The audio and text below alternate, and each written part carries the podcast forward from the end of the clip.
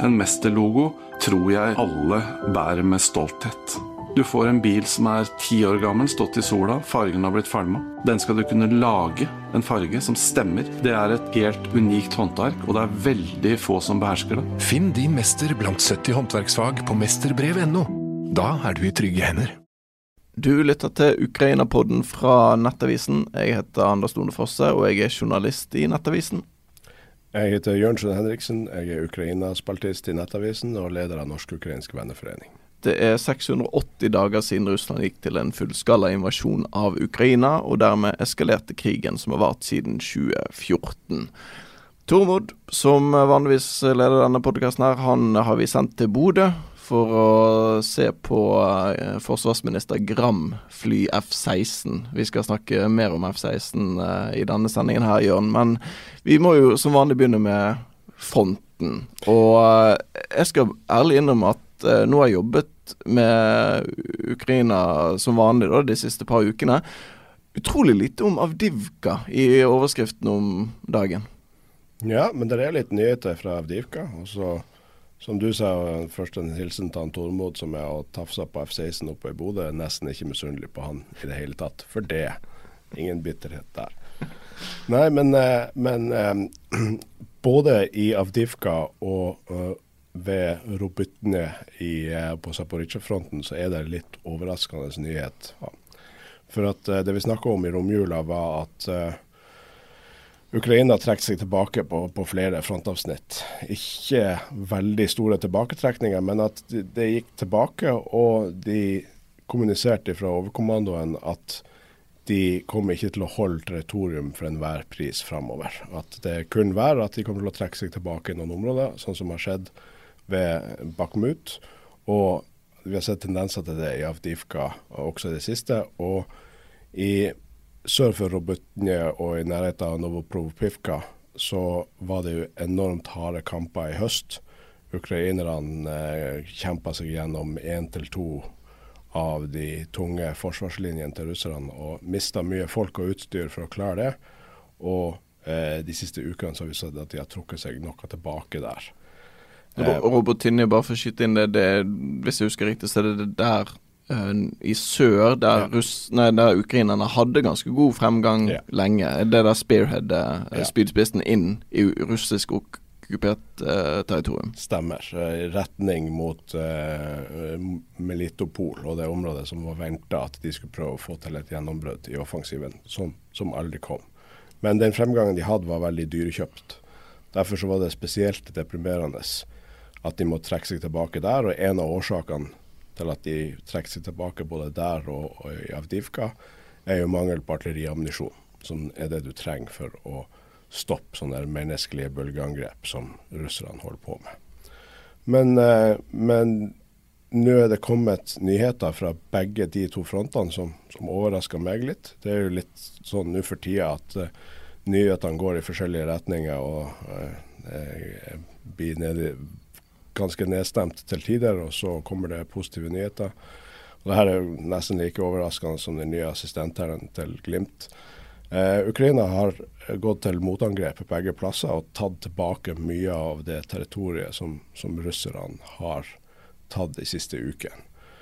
Og det er jo positivt. Det viser jo at Ukraina fortsatt har styrker og materiell til å kunne gjennomføre motangrep. Um, så skal vi ikke tolke altfor mye inn i det, men, men, det kan jo tyde på at selv om de mangler artilleri, så har de stormpanservogner og Bradleys og, og, og, den type ting som, som de kan bruke til å, å, ta tilbake territoriet. Men det er klart, det vil jo koste både materiell og, og folk. Så det er jo igjen dyrkjøpt eh, territorium å ta tilbake. For dette området er jo steder der det pleide å være russiske forsvarsverk, mm. eh, som Ukraina eh, i hvert fall en stund har tatt deler av, og så er det litt sånn fram og tilbake der nå. Hvor mye igjen av de russiske forsvarsverkene? Altså si hvis de mister altså Det er jo dyrekjøpt territorium dette, mm. du sier.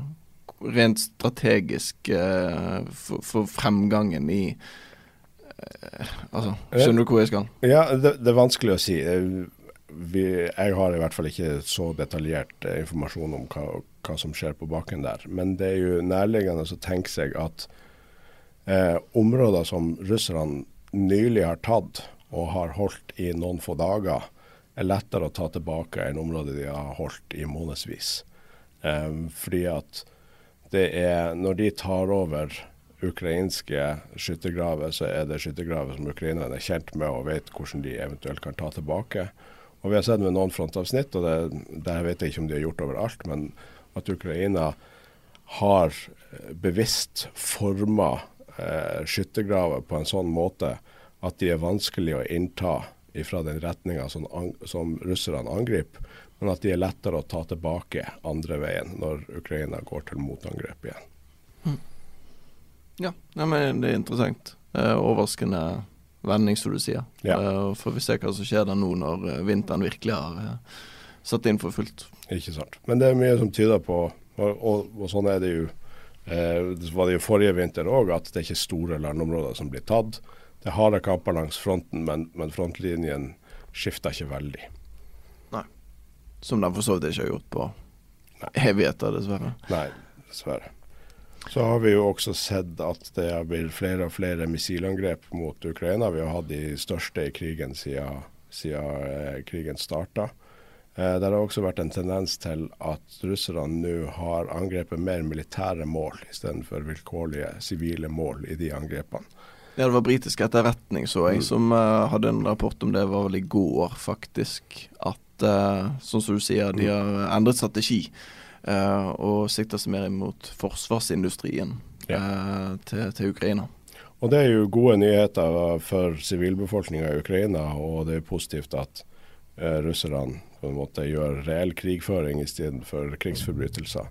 Samtidig så vil jo det her ha mye sterkere innvirkning på Ukraina sin evne til å føre krig enn en vilkårlige angrep mot sivilbefolkning. Uh, sånn at det her kan jo faktisk ha en effekt på, på ukrainsk eh, produksjon.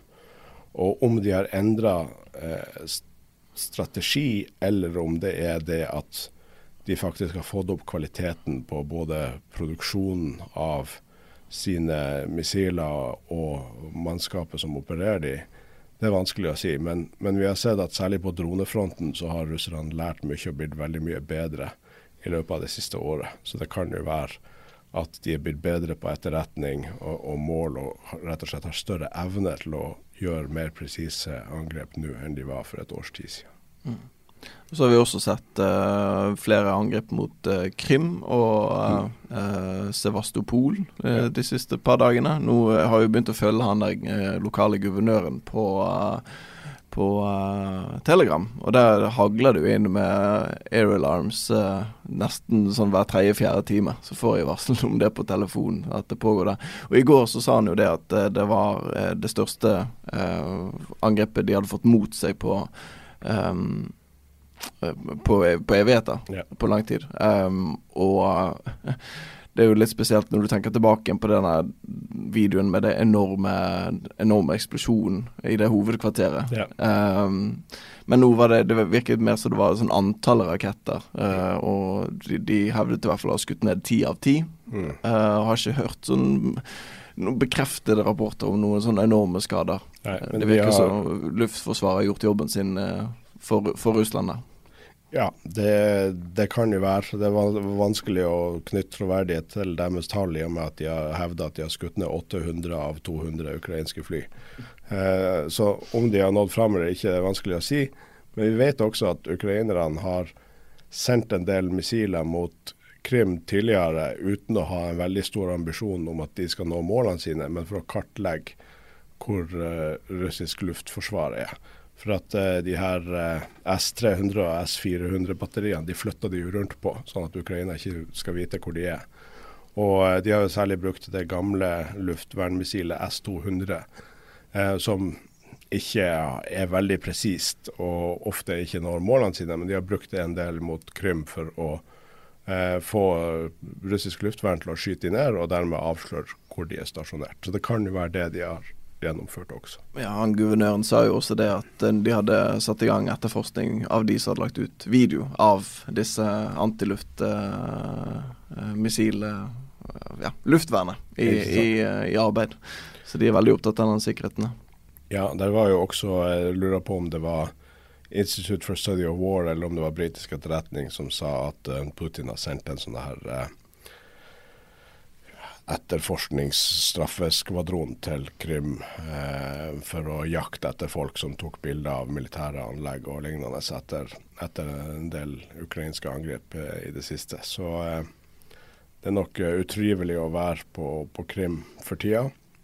Men at Ukraina sender såpass mange missiler, viser jo at de må ha fått en god del sånn Storm Shadow-skap-missiler, siden de har kapasitet til å fortsette å, angripe såpass mye. Og det er frustrerende at uh, USA har 1000 etterkampsmissiler som har gått ut på dato, som de ikke kommer til å bruke sjøl, men som de allikevel ikke evner å overføre til Ukraina. og og Tyskland fortsatt sitter på hendene når det gjelder Taurus. For det er klart, denne type kapasitet, i, i avvente av at ukrainerne får et ordentlig luftforsvar, et ordentlig flyvåpen, så, så kunne det ha påført veldig mye skade på russerne. Så det er frustrerende at de ikke får denne type missiler, når vi ser at russerne faktisk får mer kryssermissiler fra Iran og Nord-Korea enn Ukraina får fra sine vestlige allierte. Mm. Og uh, i samme gate der så kan vi også flytte oss over til, uh, til Bodø, da. Og uh, Nammo, mm. som vi jo har vært innom et par ganger denne podkasten. Fordi Ukraina de har behov for granater, og Nammo har bedt om økt støtte fra den norske regjeringen, som har fått mye kritikk for å ikke imøtekomme denne støtten, bl.a. fra Ine Eriksen Søreide, som leder utenriks- og forsvarskomiteen. Hun sa til Dagens Næringsliv i desember at sitat, Vi får svært dårlige svar på hvorfor kontraktene tar så lang tid, og hvorfor ikke regjeringen etterkommer Nammos ønske om investeringsstøtte. Så vi sendte jo vår mann uh, Tormod opp til uh, Bodø for å få svar på hva er det som egentlig skjer her, hvorfor tar ting tid. Eh, par sitater som vi fikk derfra. Gram, forsvarsminister, sa blant annet at vi har gjennom flere grep lagt til rette for at produksjonskapasiteten av artillerigranater mangedobles gjennom rekordstore ordrer og samarbeid med Sverige og Danmark. Det tar tid å få på plass produksjonskapasiteten, sa han. Og vi kan ta med et annet sitat her eh, også. Eh, med god uttelling i eh, et EU-program som heter ASAP, så legger man til rette for milliardinvesteringer i ny produksjonskapasitet i Norge. Uh, og til slutt så får han spørsmål fra vår mann uh, Tormod. Uh, spørsmålet er da enkelte har tatt til orde for at staten som medeier av Nammo kan sprøyte penger rett inn i Nammo, og slik øke produksjonskapasiteten. Det er vel det vi har vært inn på i mm. denne podkasten her. og da svarer Gram det viktigste er at produksjonskapasiteten økes, og det er flere måter å gjøre det på. Ja. Og da må jeg jo si at uh, jeg er glad jeg ikke har en blodtrykksmåler på meg når jeg hører de sitatene fra Gram, for at de er ganske avslørende. Så det er jo ei god ja, hva man skal si, jeg vil ikke fremme politikerforakt, men det er jo god politikerånd å si sånne sitater som i utgangspunktet høres bra ut, se vi har gjort masse, vi har gjort flere grep. Men samtidig så, så er han veldig presis på at de ikke har gjort så mye. De har i hvert fall ikke gjort det som er avgjørende for å få opp eh, produksjonen. Og han bruker jo i to av sitatene så bruker han begrepet 'legg til rette for'. Og han i et svar til en leder i VG, så skriver han jo også i VG om at de har valgt å, å bruke sin kunderolle. Um, og det kan de jo gjøre, det passer fint i fredstid. Det er god næringspolitikk, det er sikkert sånn som Finansdepartementet er glad i. Men det er ikke den situasjonen vi er i nå. Uh, Nå har vi krig i Europa, og regjeringa burde brukt sin eierrolle, ikke sin kunderolle. Da kunne de ha gitt direktefinansiering, og vi kunne ha fått opp det her raskt. Og Det er særlig det siste eh, sitatet som gir meg høyt blodtrykk, der han sier at det viktigste er å få opp produksjonen. Det er ikke nødvendigvis det viktige. Like viktig er tempo. Hvis, eh, la oss si at det tar to år å få opp en sånn produksjonslinje. Hvis nå eh, Nammo får, eller Norge får uttaling av det EU-programmet i februar, og så tar det litt tid å få på plass de pengene og sånn, så har vi den produksjonslinja oppe om to år eh, fra nå, ca. Det hjelper ikke Ukraina så voldsomt at vi har økt produksjonen av artillerigranater i 2025. Hvis regjeringa har tatt grep la oss si to måneder inn i, i den fullskala invasjonen, så hadde vi snart hatt den produksjonen oppe. Og Ukraina kunne ha fått flere norske artillerigranater og fått hjelp av det. Så eh, jeg har sagt det før, jeg sier det igjen. Det er en skandale hvordan regjeringa har håndtert denne saken. De har de virkemidlene de tenkt for å gjøre direktefinansiering, som de har gjort i f.eks. Finland med en annen Nammo-produksjon. Um, så um, han kan si at de har lagt til rette for, men de har, de har ikke gjort det som er nødvendig for å få opp denne produksjonen. Og Ukraina lider av det i Avdivka og Ropetynje og andre steder. Ja, for, la oss ta litt tall her. Altså, det er en ekstrem mangel på artillerigranater i hele verden nå, egentlig. Ja. Uh, og enkelte anslag viser at det vil ta 20 år å fylle Nato-lagrene med artillerigranater med dagens produksjonskapasitet. Ja, 40 år, som Nammo sa i høringa på Stortinget. Men nå er det jo andre land som har tatt ansvar for å få opp produksjonen. Ja, riktig. Annet Finland. Ja. ja. Men eh, et dokument fra Nammo til Forsvarsdepartementet som eh, Nettavisen eh, og Tormo da fikk innsyn i, viser at Ukraina avfyrer omtrent 7000 granater hver eneste dag. Altså 2,4 millioner granater i året. Ja. Og ifølge samme notat, dokument fra Nammo, så avfyrer Ukraina da åtte ganger flere granater i løpet av ett år enn det Europa klarer å produsere i samme tidsperiode. Så Det er jo mattestykket som ikke går opp, dette. Og um, ja, og notatet anslår at for å forsyne Ukraina jevnt, samt fylle egne behov, så må Vesten investere 300, nei, 35 milliarder kroner i økt produksjonskapasitet. Ja. Og i tillegg til investeringer og få opp eh, produksjon, så er jo tidsaspektet viktig. Og den raskeste måten å få opp produksjon, det er å utvide produksjonen der kompetansen finnes allerede, sånn som på Raufoss. Så vi har ikke gjort vår del av jobben. Og noen interessante tall er jo, Det er ikke alltid Norge offentliggjør akkurat det tallet hva som sendes, men en av forsendingene som gikk til Ukraina i, om det var i fjor eller det var på slutten av 2022, var 10 000 artillerigranater i en av forsendingene. Og Da ga vi altså eh, Ukraina sitt forbruk på 1,2 dager.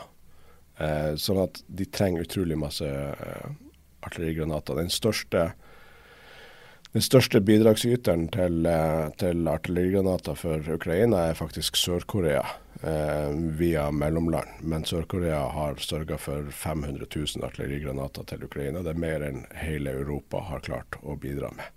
Eh, og nå driver Nord-Korea og truer eh, Sør-Korea med angrep. Det presser Sør-Korea til å må ta hensyn til det. Det er jo ikke veldig sannsynlig at Nord-Korea går til angrep, men det er klart, når de lever med en sånn eh, truende nabo, så kan de ikke la være å ta hensyn til det. Så de vil trenge en større andel av sine artillerigranater til å beskytte seg sjøl fremover.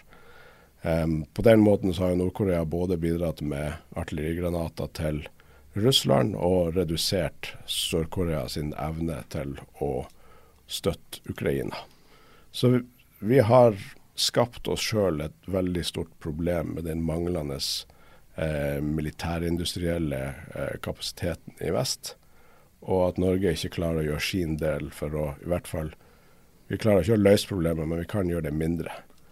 Det er veldig problematisk så er det kanskje noen som synes at det, som lytter til dette, som syns det høres veldig blodtørstig ut å bruke 35 milliarder kroner på eh, artillerigranater. Men det, altså, det, det, vi snakker om her, er jo potensielt sett forskjellen mellom om Ukraina eksisterer eller ikke, og om Russland seirer eller ikke. Det, det er det. Og artillerigranater og F-16, som vi straks kommer tilbake til. Ja, og i videreførselen av det det er helt rett som du sier, det, det kan være tunga på vektskåla om hvilken vei det her tipper. Men også hva som er fremtida for Europa. For det er ingen tvil om at hvis Russland ikke engang trenger å ha en stor seier i Ukraina, men at de opplever sjøl at de har vunnet frem i Ukraina, så vil det fortsette å motivere dem til å opptre truende i Europa. Og det øker faren for at Norge en gang i fremtida havner i en krig. Så jeg ikke at det er kjempesannsynlig, det er veldig usannsynlig. Men det er litt mindre usannsynlig hvis Russland vinner i Ukraina. Så at de her artillerigranatene som vi kunne ha produsert og sendt til Ukraina, det bidrar ikke bare til Ukrainas sikkerhet, det bidrar også til vår sikkerhet. Jeg håper jo, altså, altså hvis i aller aller verste fall at Ukraina faller, så håper jeg i hvert fall at noen i Russland ser at OK, dette, dette var ikke en walk in the park. Det var det ikke, men vi skal virkelig ikke begynne å fjerndiagnosere psykologisk eh, Putin og hans uh, sirkel der. Nei, men altså, de russerne Hvis folk hører den podkastepisoden vi hadde med Erlend Bjørtvedt, så er det jo veldig tydelig at russerne har andre regnestykker for hva de syns er verdt det, enn det vi har i vest. De er veldig opptatt av ekspansjonisme og territoriet og ta tilbake de landområdene som de mener historisk sett tilhører Ukraina. At økonomien deres får en knekk i noen år, at de mister en par hundre tusen mann. Det er ikke nødvendigvis noe som han Putin mista nattesøvn over. Altså Vi må huske på at han starta sin presidentperiode med å nekte å avbryte ferien etter at Kursk ble senka. Og det var tegn til at det var folk i live nede på havbunnen. Men han fortsatte ferien sin nede med Svartehavet. Sånn at eh, selv om det her har vært dyrt for, eh, for, Russland, hvis de ender opp med å vinne territoriet på denne krigen, så er jeg veldig bekymra for hvordan Russland vi ser etterpå. Skal vi snakke litt om uh, F-16? Ja.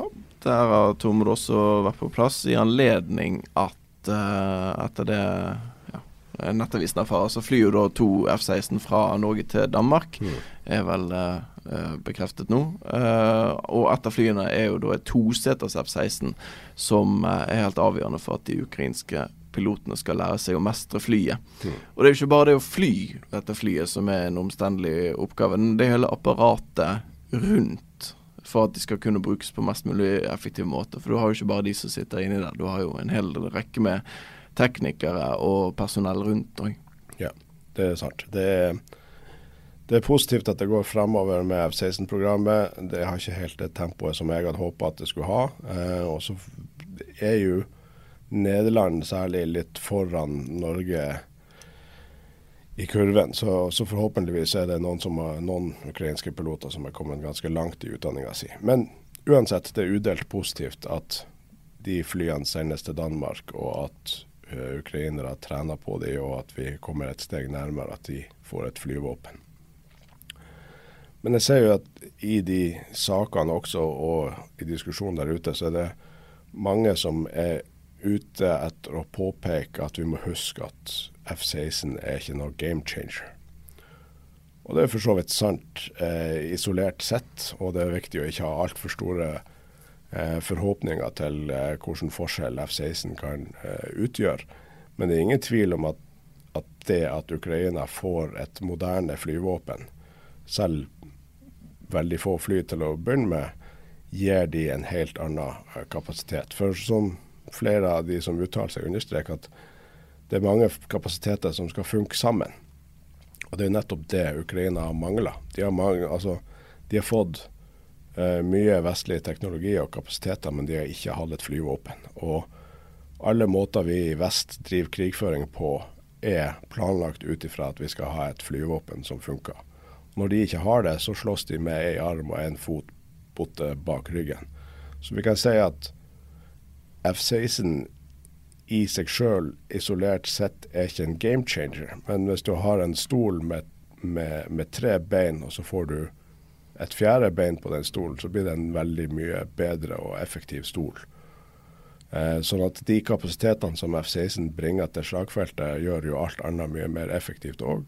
Som eh, Mahmoud eh, snakka om når vi hadde han her, at bare det at du har en form for dekning i lufta over deg, gjør at du kan konsentrere deg mye mer om selve krigen på bakken, og ikke speid så mye etter lufttrusler som ukrainerne har gjort gjennom hele offensiven de har hatt. Så, um, og vi har også sett hvordan uh, russiske Su-34 driver og ramler ned for tida fordi at uh, Ukraina flytta et uh, luftvernsystem nærmere fronten.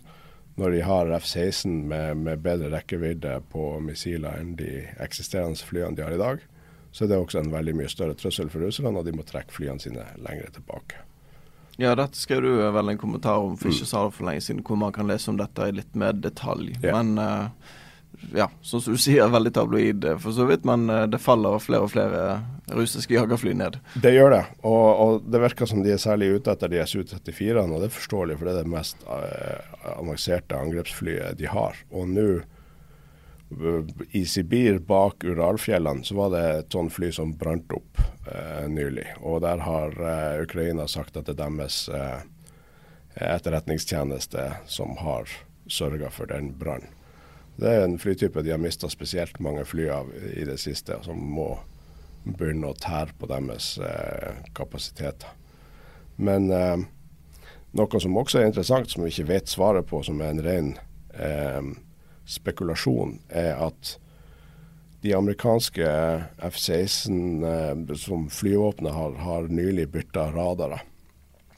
Og de gamle radarene eh, fra flyvåpenet skulle til den amerikanske ulike Air National Guard-avdelingen sin F-16. Men det er blitt kansellert. De har aldri møtt opp der.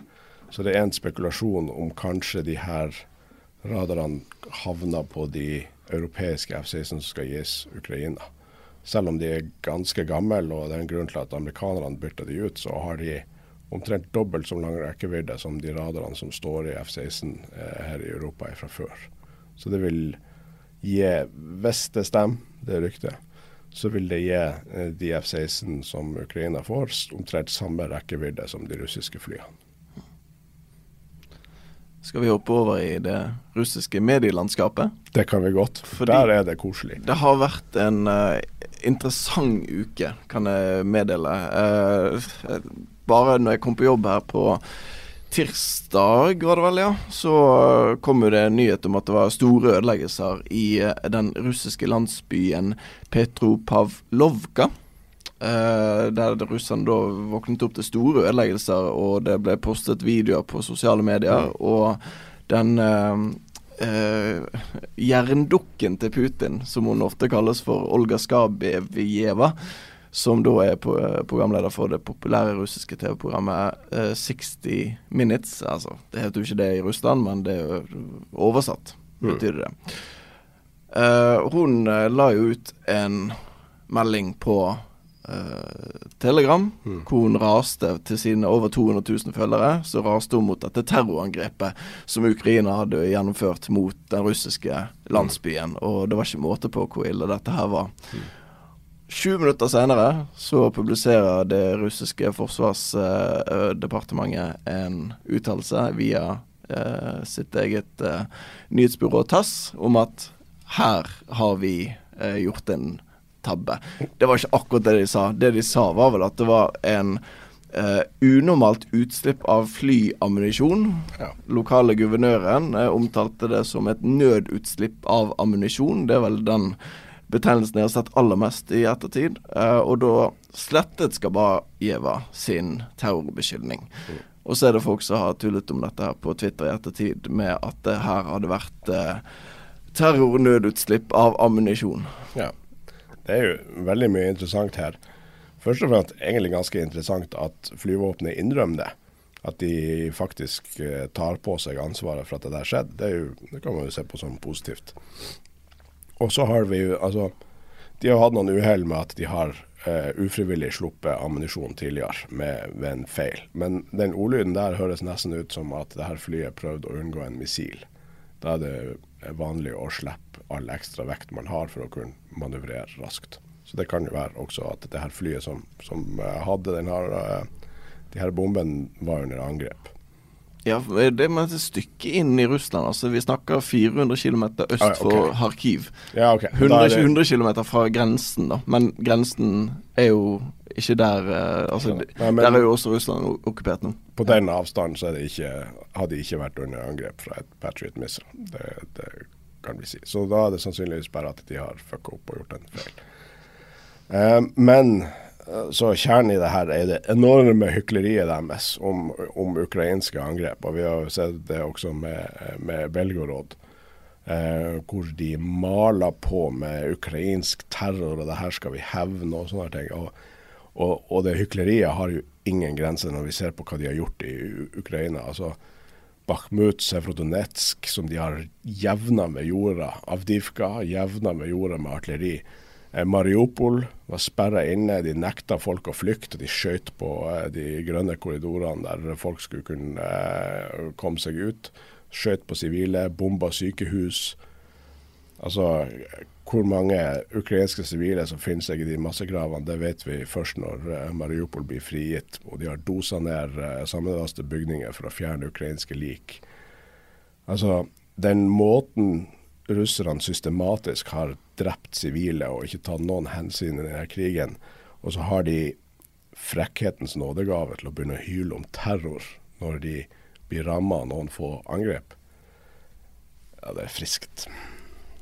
Og i forlengelsen av det så eh, kommer det en sak i helgen eh, på Nettavisen. Kan han ha den ute når du hører på dette? Det vet ikke jeg. Men eh, det kommer i hvert fall en sak om at det er en russisk, eh, russiske RIA, som jo er søsteren til TASS, eh, en russisk statlig nyhetsbyrå, der de eh, styrer i enormt stor grad det som publiseres. Men de hadde en overskrift som jeg reagerte litt på her når jeg satt på jobb i går, og det var de, et, de starter overskriften med et sitat. Sitatet er 'We will fight with Russia'. Og så er resten av overskriften uh, 'Britain allowed NATO troops to enter Ukraine'. Stor game changer. De påstår at Nato nå tillater at det skal komme deres egne tropper inn i Ukraina. Så stusset jeg veldig på dette. Hvor, hva, hvor, er dette her fra? Så begynte jeg å grave, og så finner jeg ut at de, de har da sitert en mann som heter Hamish de Bretton Gordon, altså en pensjonert hæroberst som har 23 år bak seg i militæret, men som ikke har vært i militæret nå siden 2011. Så nå I dag så er han forfatter, han er uh, Russland-ekspert. Og, og, han bidrar på vår søsterpodkast uh, Ukraine the Latest til The Telegraph. Absolutt. En, uh, en som brukes jevnlig i vestlige medier, og som er en mann som du gjerne ikke vil tro skulle dukke opp i RIA.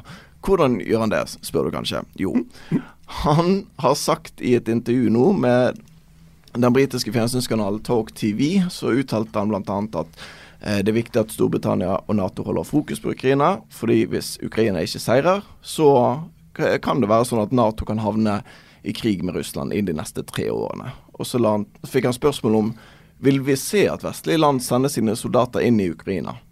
Og da svarte han at eh, programlederen hadde rett i at de vestlige allierte hadde gjort alt unntatt å sende eh, troppene eh, inn i Ukraina. Mm.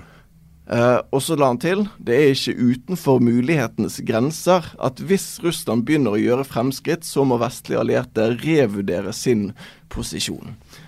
Og dette har RIA plukket opp, og så har de tenkt her har vi en god overskrift. Her Nå begynner Nato å planlegge å sende disse her inn. Uh, det, det er som som journalist sjøl, så mm. lurer jeg på Når de sitter på kontoret til RIA, vet de sjøl at de uh, Altså ikke bare smører tjukt på, men lyger i overskriften? Jeg tror de vet det. Jeg tror at hadde det ikke vært en sånn morbid eh, og helt jævlig situasjonen vi står i, så må det jo ha vært veldig vært veldig frigjørende å jobbe på en sånn plass. Du kan jo tenke deg du kommer på jobb og så tenker du i dag skal jeg virkelig ta i, nå skal jeg lyge sånn at det er vanskelig å holde meg fast i bordet når jeg kjører på.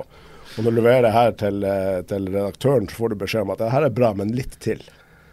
Eh, så, så jeg, jeg, tror jo absolutt det. Og, og, de som har peiling på russisk misinformasjon, sier jo at, at vi må slutte å prøve å tolke hvor, hvor, mye de er komfortable med å lyge og sånn. For at de, de har ikke noe forhold til sannhet i det hele tatt. De er helt frikobla sannhet. Og det eneste de tenker på når de skriver noe, det er hva passer det for oss å skrive.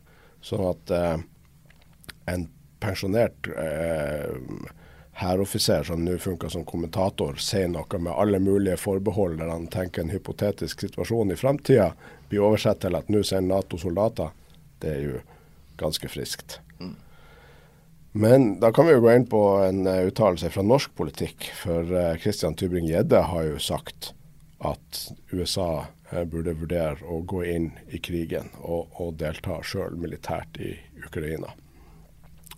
Det er jo en uh... At ikke den er blitt plukket opp her, ja, er jo Ja. eh, Ikke sant? Her har de uh, gått glipp av en kjempesak. Ja, ikke sant?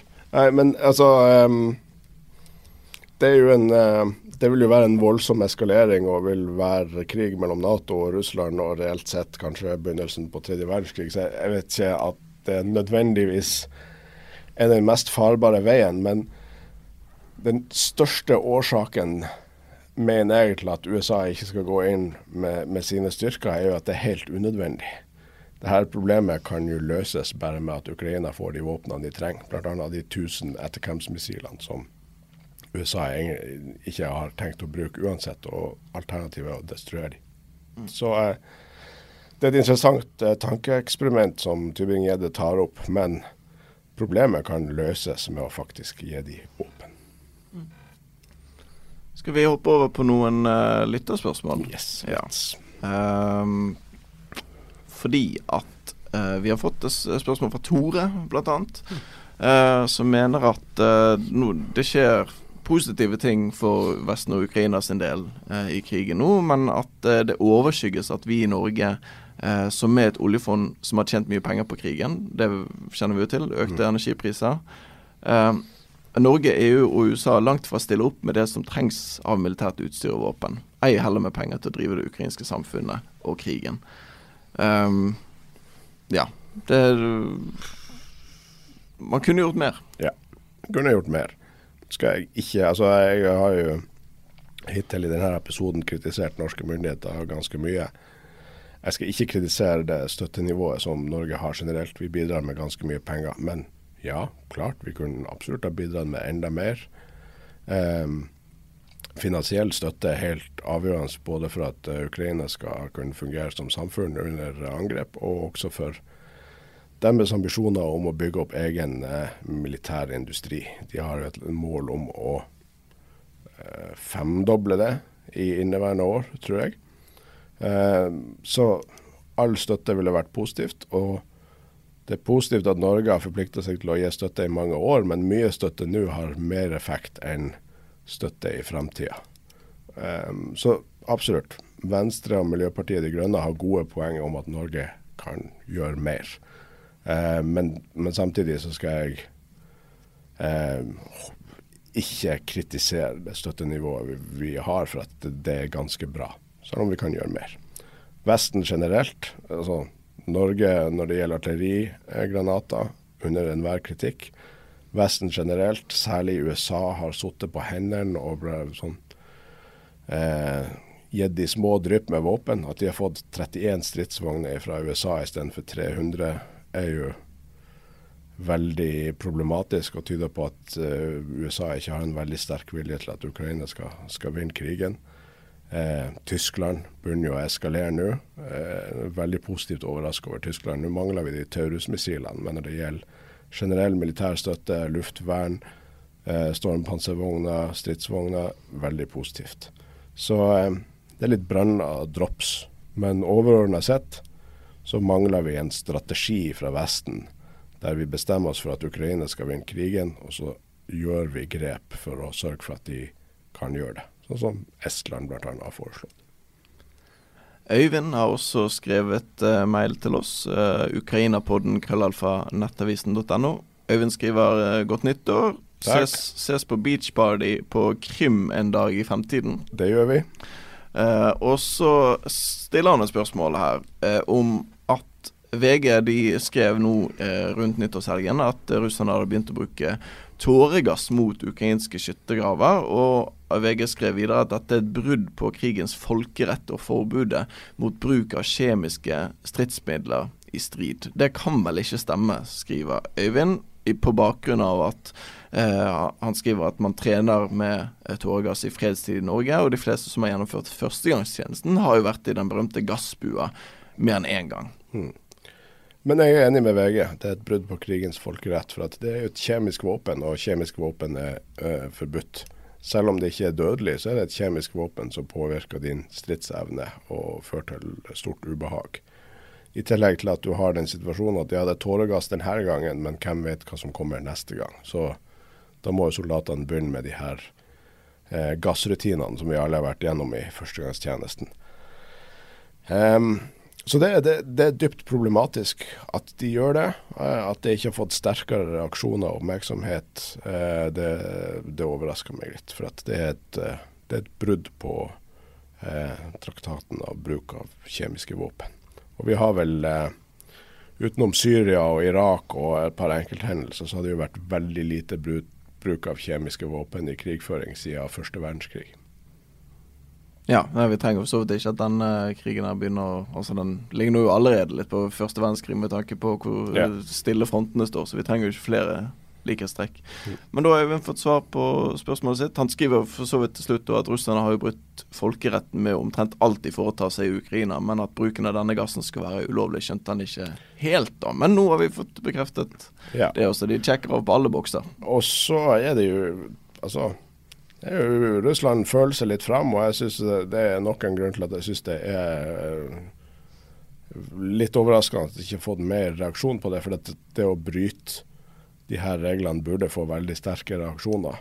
Kanskje driver de og tester ja, hvis ingen reagerer på det her, så kan vi jo skru opp litt og bruke en litt farligere gass neste gang. Um, så det er en slippery slope. Jeg syns at det her er noe Vesten burde holde øye med. Nå trakk vi en, eller Obama trakk en rød strek i Syria som han ikke fulgte opp. Så kanskje ikke nødvendigvis akkurat en rød strek, men å tydelig kommunisere at uh, brudd på, uh, på sånne her alvorlige konvensjoner vil få konsekvenser, det syns jeg at Vesten burde gjøre. Mm.